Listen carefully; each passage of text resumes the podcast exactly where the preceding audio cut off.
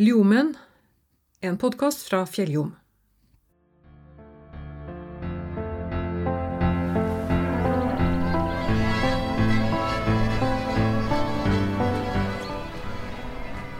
Vi kjenner henne best som Inga Tannes.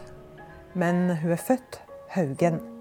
Inga Marie Haugen kom til verden i 1923 som den første i en søskenflokk på sju på gården Haugen på nordsida av Aursund. Tidlig skjønte familien at Inga ikke var helt som andre barn. Når ungene lekte gjemsel, var det ingen som klarte å gjemme seg for Inga. Broren Trygve bor fremdeles på hjemgården. Han husker mange spesielle episoder med Inga som barn. Men storesøstera ville ikke ha noe snakk om det spesielle som skjedde. Var 10-12-13 år, tenker jeg, oppe og så på. Ja. Vært oppe og fant igjen forskjellig småtteri liksom, borte på. Men hun gjorde ikke noe oppstyr stort av det. De brukte han av, vet du, men der han var en ledda. Men han fant at det begynte noe med det. Så begynte han å så forskjellig, men hun turte ikke si noe, for at hun var litt redd. Redd for hvem skulle tro? Ja, at jeg bluffa bare. Men så begynte jeg å finne et forskjellig oppi her. Det var mange som ringte om sauer. vet du, Andre steder tror jeg fikk høre ja. Hun ble gift tidlig, vet du. Hun var ikke mer 24 år da hun flytta til Andeshaug. Som eldst i den store søskenflokken ble det mye ansvar og arbeid på Inga i oppveksten. Det var ikke travelt da jeg var her og var på seteren og mjølka vet du, og gikk benveien nedover her vet du, og var med hesja og gikk opp igjen. Så var det travelt, ja. Så hun arbeidet hele livet. Etter jeg kom til Temnesel og jobba der og drev og dona og sto i bare. Drev nå for seg sjøl etter at Ole døde noen vet du. Det var mye tungt arbeid. Jeg var på veien, jeg kjørte nedom, da så han Nils var på kassa og kasta opp vet du. Det var just nedsiloen. Kasta opp siloen. Der kom det. var for seg sjøl, da, vet du. Jeg var da mjølke lenge. Sønnen hans tok den over, da, vet du. Ja, hun var den 14-15 kilo da den jeg holdt på da, ja. Han er hjemme med Anders ungene av og til og hjertet det, vet du. Ja, ellers så var han mye og drev for seg sjøl, da. Nei, ser han har stått spikt ned siloen rundt alt du sto og skana og kasta opp. Høyt, vet du. Stod stilte på en kasse for å nå opp i det store. Han er travelt.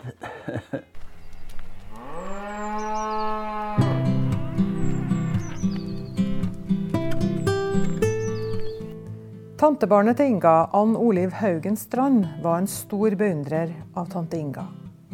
De levde tett innpå hverandre da Ann Oliv var lita jente.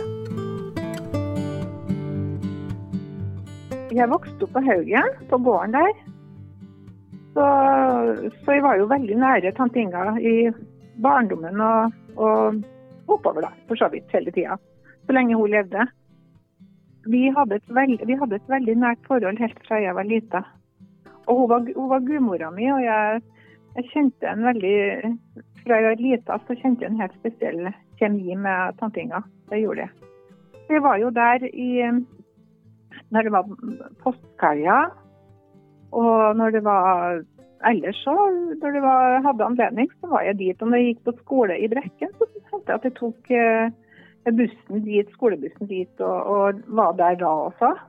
Inga hun var et uh, hjertegodt menneske. Hun ville alle godt. Hun var utrolig gammel. Og hun eh, stilte opp alltid hvis at eh, noen spurte. Og jeg ringte ofte og spurte henne om råd. Og da fikk jeg alltid gode råd fra henne hvis det var noe som, som jeg lurte på. Eh, og så var det jo sånn at det kom jo folk dit fra hele landet for å få hjelp både til å finne ting, og så drev jeg også med håndsbeleggelse, som jeg sa. Healing, som er moderne ord i dag. Det var håndsbeleggelse. Og hun hadde, jeg hadde inntrykk av at hun hadde aldri for travelt til å ta imot folk. Når jeg kom dit, så var det som regel noen der, og da var det sånn at du skulle jo i hvert fall ha kaffe og kaker. Og gjerne middag hvis eh, folk hadde tid til det. Så hun var eh, et, eh, et unikum av et menneske, syns jeg. For hun, hun klag, og jeg, jeg hørte aldri at hun klagde på noen ting. At hun hadde travelt. Hun hadde jo gården i tillegg, som hun drev. Etter hun ble enke, så lærte hun seg å kjøre traktor, og, og hun drev jo gården for seg sjøl, men også sammen med sønnen sin, da, Anders, som, eh, som bodde der eh, eh, delvis. Eh, han var vel ute på jobb eh, innimellom, men han var jo også der og, og hjalp henne på gården. Jon Varseth, som bodde i nærheten av Inga, fikk også hjelp når det var borte dyr fra gården hans. De kom da til rette seg. Gjør Og det, det stemte slik. Men jeg, som han sa, men det var ikke alle ganger det var så enkelt. Og så skjønner jeg ikke hva for noe plass det var på når jeg for, forklarte. For eh, rundt omkring her så er alt av terrenget nokså likt. Så jeg likte å misforstå at det kunne være blitt den haugen, men var blitt den haugen. Liksom. Ja, når jeg da så eh, det jeg ga seg ut for, det, det er jeg ganske så sikker på, for at eh, vi har ingen muligheter til å verken benekte eller bekrefte. I hvert fall ikke å benekte. Nei, meg bekjent så Så de aller fleste trodde nå. Men det var noen da som det er nå, slik at, eh, som var skeptiske. Og kanskje var så det òg. Eh, jo, litt, litt reserver tror jeg en del var. eh, eh, de visste ikke hvor mye hun, hun visste. Så eh, det kunne nok være en litt viss skepsis slik, da. Da de var redd for at hun så at de gjorde noe galt? Eh, Ja, direkte galt, men kanskje noe som ikke var aldeles bra at det kom i lyset. Så i hele tatt så var jeg litt livet menneske. Eh, ja, var både glad til å danse og bra til å danse. Og så var jeg flink til å synge. Blid og i hvert fall slik som jeg lærte å kjenne. Ingas svigerinne Liv Grete Haugen kan bekrefte at Inga var glad i å danse.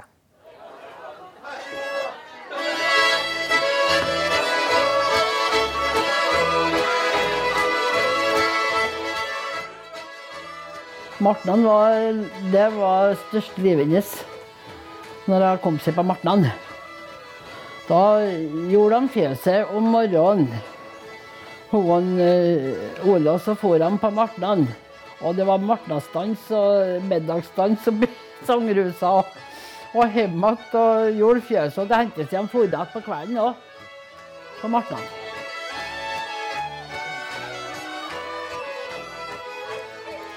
Liv Grete savner Inga og den hjelpa hun fikk. Og gjerne noe mye folk bare med behandling og greier så da. Ja, Ja, gjorde hun det? Å ja, hun gjorde det, ja. Hun gjorde meg mange ganger, ja, med rygga.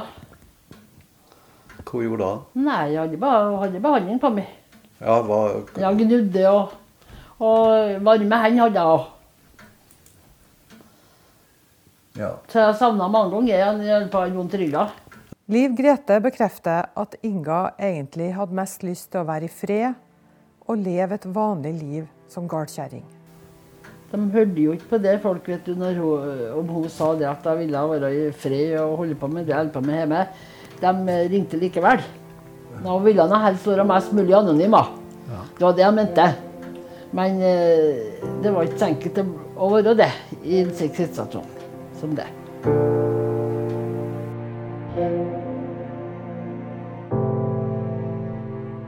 thank i 1957 ble Inga kontakta av folk på Lesjaskog etter at to søsken på fem og tre år var forsvunnet. Store styrker med letemannskap ble satt inn for å finne de to barna. De ble kontakta kontakta flere synsker. Til og med Marcelle Haugen og forskjellige. Og, og så kontakta meg Inga. Og da lurte han på om han kunne komme nedover til Lesja. Og da ble de enige om at de skulle foran, Ole skulle følge da. Uh, gubben da. Mm. skulle følge nedover. Og, hun, og da fikk han noen kart og, og greier. Jeg, jeg, tror jeg har noen bilder til, det, til, til noen aviser, tror jeg, men nå vet ikke om hva jeg har litt igjen. da. Gammel jeg hiver det, og jeg vet ikke. Men i hvert fall altså, så tegna jeg opp på kartene hva ungene lå. Og da var det noen som sprang før. Og det var vi noen som skulle ha æra, å finne dem. Så de fant dem, og det var dem som fikk æra for at de fant ungene. Fikk ikke ære hun som uh, sa dem lå den.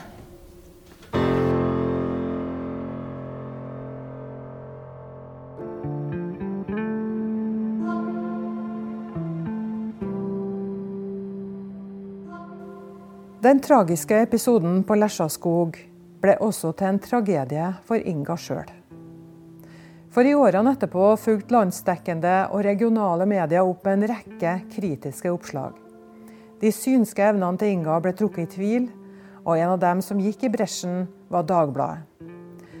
Avisa foretok noe som de beskriver som en kontrollreise i Inga Tamnes fotspor. I en serie artikler omtalte de ulike episoder som Inga Tamnes enorme bommert. At Inga hadde bidratt til noe som helst på Lesjaskog, beskrives av dem som fant barna som det villeste tøv. Leserinnleggene florerer i mange aviser, og der skrives det at Inga bare farer med vrøvl. Inga Tamnes har ingen mulighet til å stå imot den tøffe medieomtalen, og vil ikke lenger snakke med journalister. I 1963 får hun derimot støtte fra lokalpressen når Arbeidets Rett tar Inga i forsvar, og mener Dagbladets kampanje mot henne ligner mest på en heksejakt. Artikkelen i Arbeidets Rett avsluttes med at man ikke må glemme at det er mennesker det dreier seg om, mennesker som pga. disse skriveriene blir pålagt en tung bør å bære resten av livet.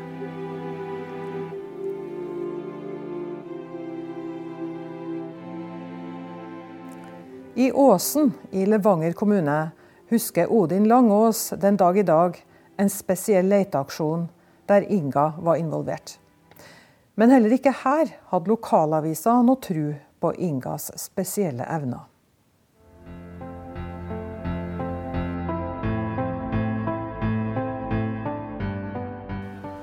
Hun mente at hun så Margot, og ga en ganske detaljert beskrivelse. Eh, og at hun befant seg framme ei elv. Eh, og ga òg den beskjeden at de måtte skynde seg og lete hvis de skulle finne henne i live. Odin Langås var 18 år i 1962 da Margot Larsen, en nabo, ble meldt savna.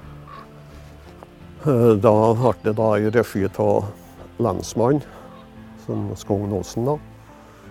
Og ble vel Fikk inn mannskap både fra Heimevern og soldater fra Værnes. Så det var ganske intensiv leiting noen dager, da, men eh, det dabba av ganske fort. Så allerede den 3. Eh, oktober så står det i Levanger-avisa at all organisert leiting var avslutta. Eh, Dette ble jo litt tungt, spesielt at onkelen til Margot, som hun har bodd sammen med, og, og naboer og De begynte å tenke på mange muligheter. og Derimot tenkte de på Inga Tamnes, og tok kontakt med hun etter hvert. Altså, Inga Tamnes hun var altså kjent i vårt område òg. Det var ikke noe uvanlig at folk tok kontakt med henne når ting kom bort. Og da var jo naturlig at hun skulle bli prøvd i den situasjonen.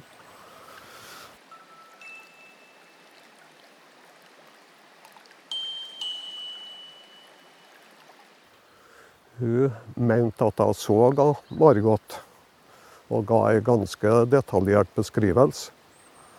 Eh, og at hun befant seg framme ei elv.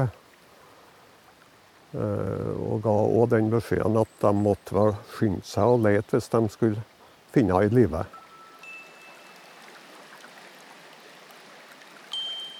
Eh, I ettertid så er det vel funnet bevis for at hun har vært inn i fjøs og kanskje funnet seg melk og kanskje ligget litt varmt noen meter, Og, og på den måten, måten klarte å holde seg i live. Carl Iversen, som hadde hatt kontakt med Inga Tamnes, gikk til lensmannskontoret og oppfordra dem til å sette i gang ny leiting etter de opplysningene som Inga kom med. Men eh, det var de ikke villige til, da, ut ifra de opplysningene de hadde. Så de la sikkert ikke noe veldig stor vekt på uttalelsene fra Inga da. Det måtte i hvert fall 1000 mann til hvis det skulle være noe vits i å ut og lete. Carl Iversen tok kontakt med noen karer og arrangerte en privat leteaksjon. Ut ifra det Inga sa, konkluderte jeg med at det måtte være Stenselva på Langstein at Inga mente at hun hadde sett Margot Larsen. Odin ble spurt om å være med og lete dagen etter. Så da var vi fem stykker som kjørte opp over Langstein og starta opp. Vi gikk framme elva ca. tre km opp dit elva starter, da, opp med eh, enden på Møssingvatnet. Og ei side opp og andre sida ned. Og det som skjedde når vi kom ned faktisk dit vi starta, da, da fant vi Margot liggende eh, død.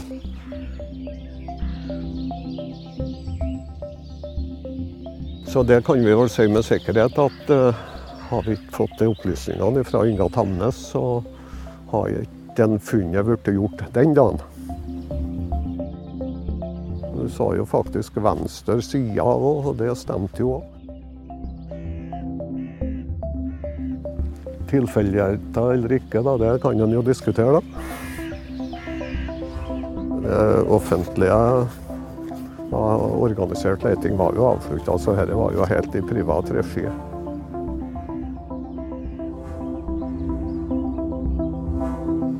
Så dagen etter da, så har Trønderavisa en artikkel og Der står det at Margot hun ble funnet på en helt annen plass enn det Inga Tamnes har beskrevet. Det førte til at Karl Iversen tok penna fatt og skrev et Ole Fritt-innlegg, og der han korrigerer både denne og flere ting som sto i den artikkelen. Og avslutter med å stille spørsmål til det ansvarlige for leteaksjonen om de har gjort nok. Da kan vi jo spørre oss sjøl, da. Har avisa fått feil opplysninger, eller var det bevisst at en ikke skal tro på noe som ikke kan bevises? I hvert fall gjorde den uh, hendelsen såpass inntrykk på meg at jeg kanskje uh, ikke så snåp til å avvise ting som er litt utenom det vanlige.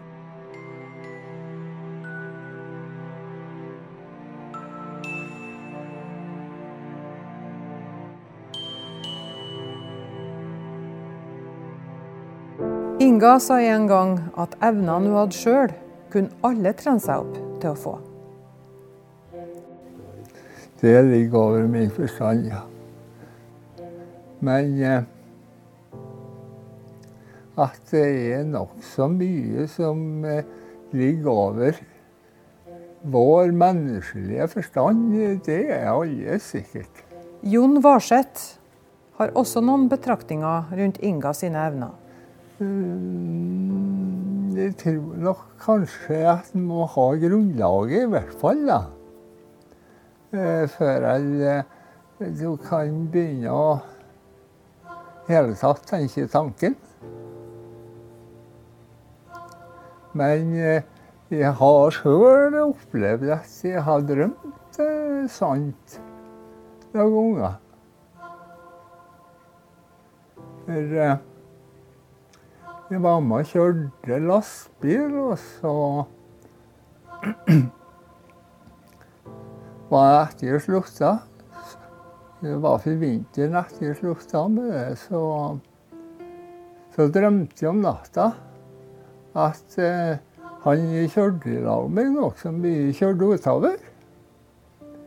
Og, men jeg skjønte ikke hva for noe bil, for jeg kjente ikke igjen bilen.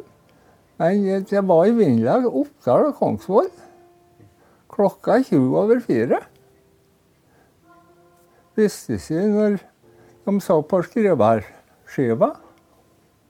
20 over fire, så gikk han utover. Den bilen den kjørte utover med, den de nettopp fått til, så det var ikke noe rart jeg ikke kjente bilen. Syntes jeg var bak i baksetet. Men jeg tenkte ikke noe særlig over det før jeg ja, en par dager etterpå så hørte jeg at noen har kjørt utover.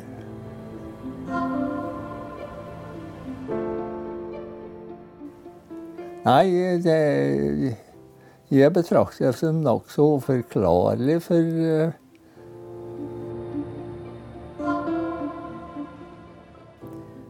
For tanteungen til Inga, Ann Oliv Strand, var ikke tanta sine evner noe hun stilte spørsmål ved i det hele tatt. For meg så var det så naturlig. Og, og jeg så det bare på som ikke, ikke, var det skremmende og ikke var det skummelt, men jeg kjente det som helt naturlig. Ja, Det var en del av, av tante Inga og meg. Eh, det var, det var aldri noe, aldri noe sånn spesielt eh, jeg var veldig litt stolt tenker jeg, over at jeg hadde, at tante Inga hadde de evnene der.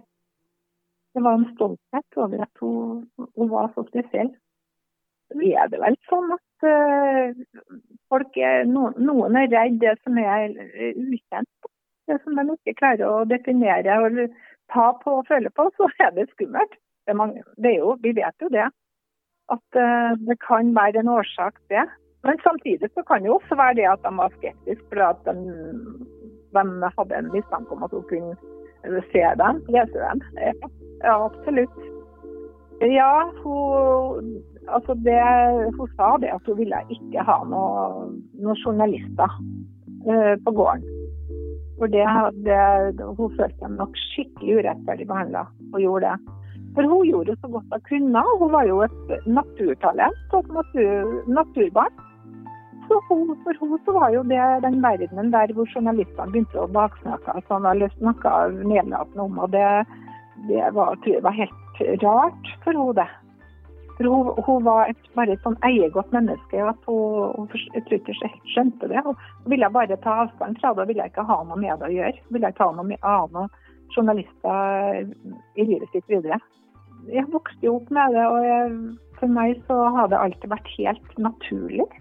Og det har vært den det er en egenskap som jeg har eh, absolutt tro og tillit til. Jeg har jo både erfart det sjøl og jeg har sett det.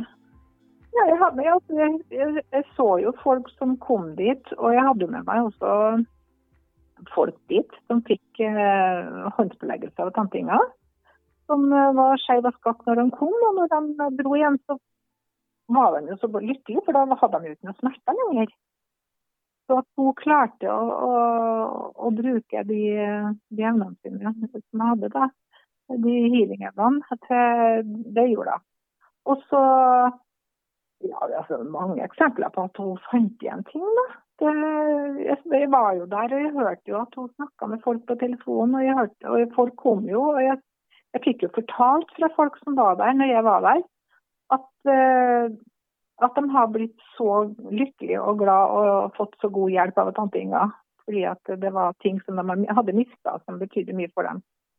Og hadde inntrykk av at hun hjalp folk rundt omkring i, i bygdom der med å finne, finne tilbake dyr også. Hun hadde kommet bort. Så. Men hun var, hun var det, Hvis man skal si det i korte trekk, så var hun nok et spesielt overskuddsmenneske. Og hun Samtidig som at hun, hun, ville, hun fulgte med på ting. Vi må huske på å høre på nyhetene, sa for at vi må følge med på hva som skjer i verden. Så hun var oppdatert på hva som eh, foregikk både i politikken og, og i verdenssamfunnet ellers. Det syns jeg var spennende å følge med på. Så hun var også et interessant menneske å, å snakke med. For hun, hun, ja, hun var opplyst på mange måter.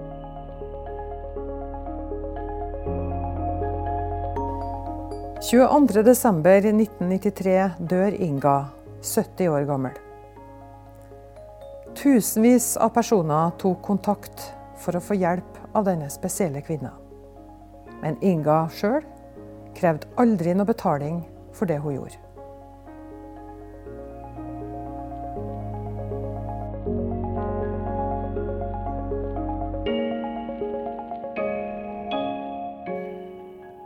Du har hørt Jomen, en podkast fra Fjelljom, laga av Steinar Bendiksvold.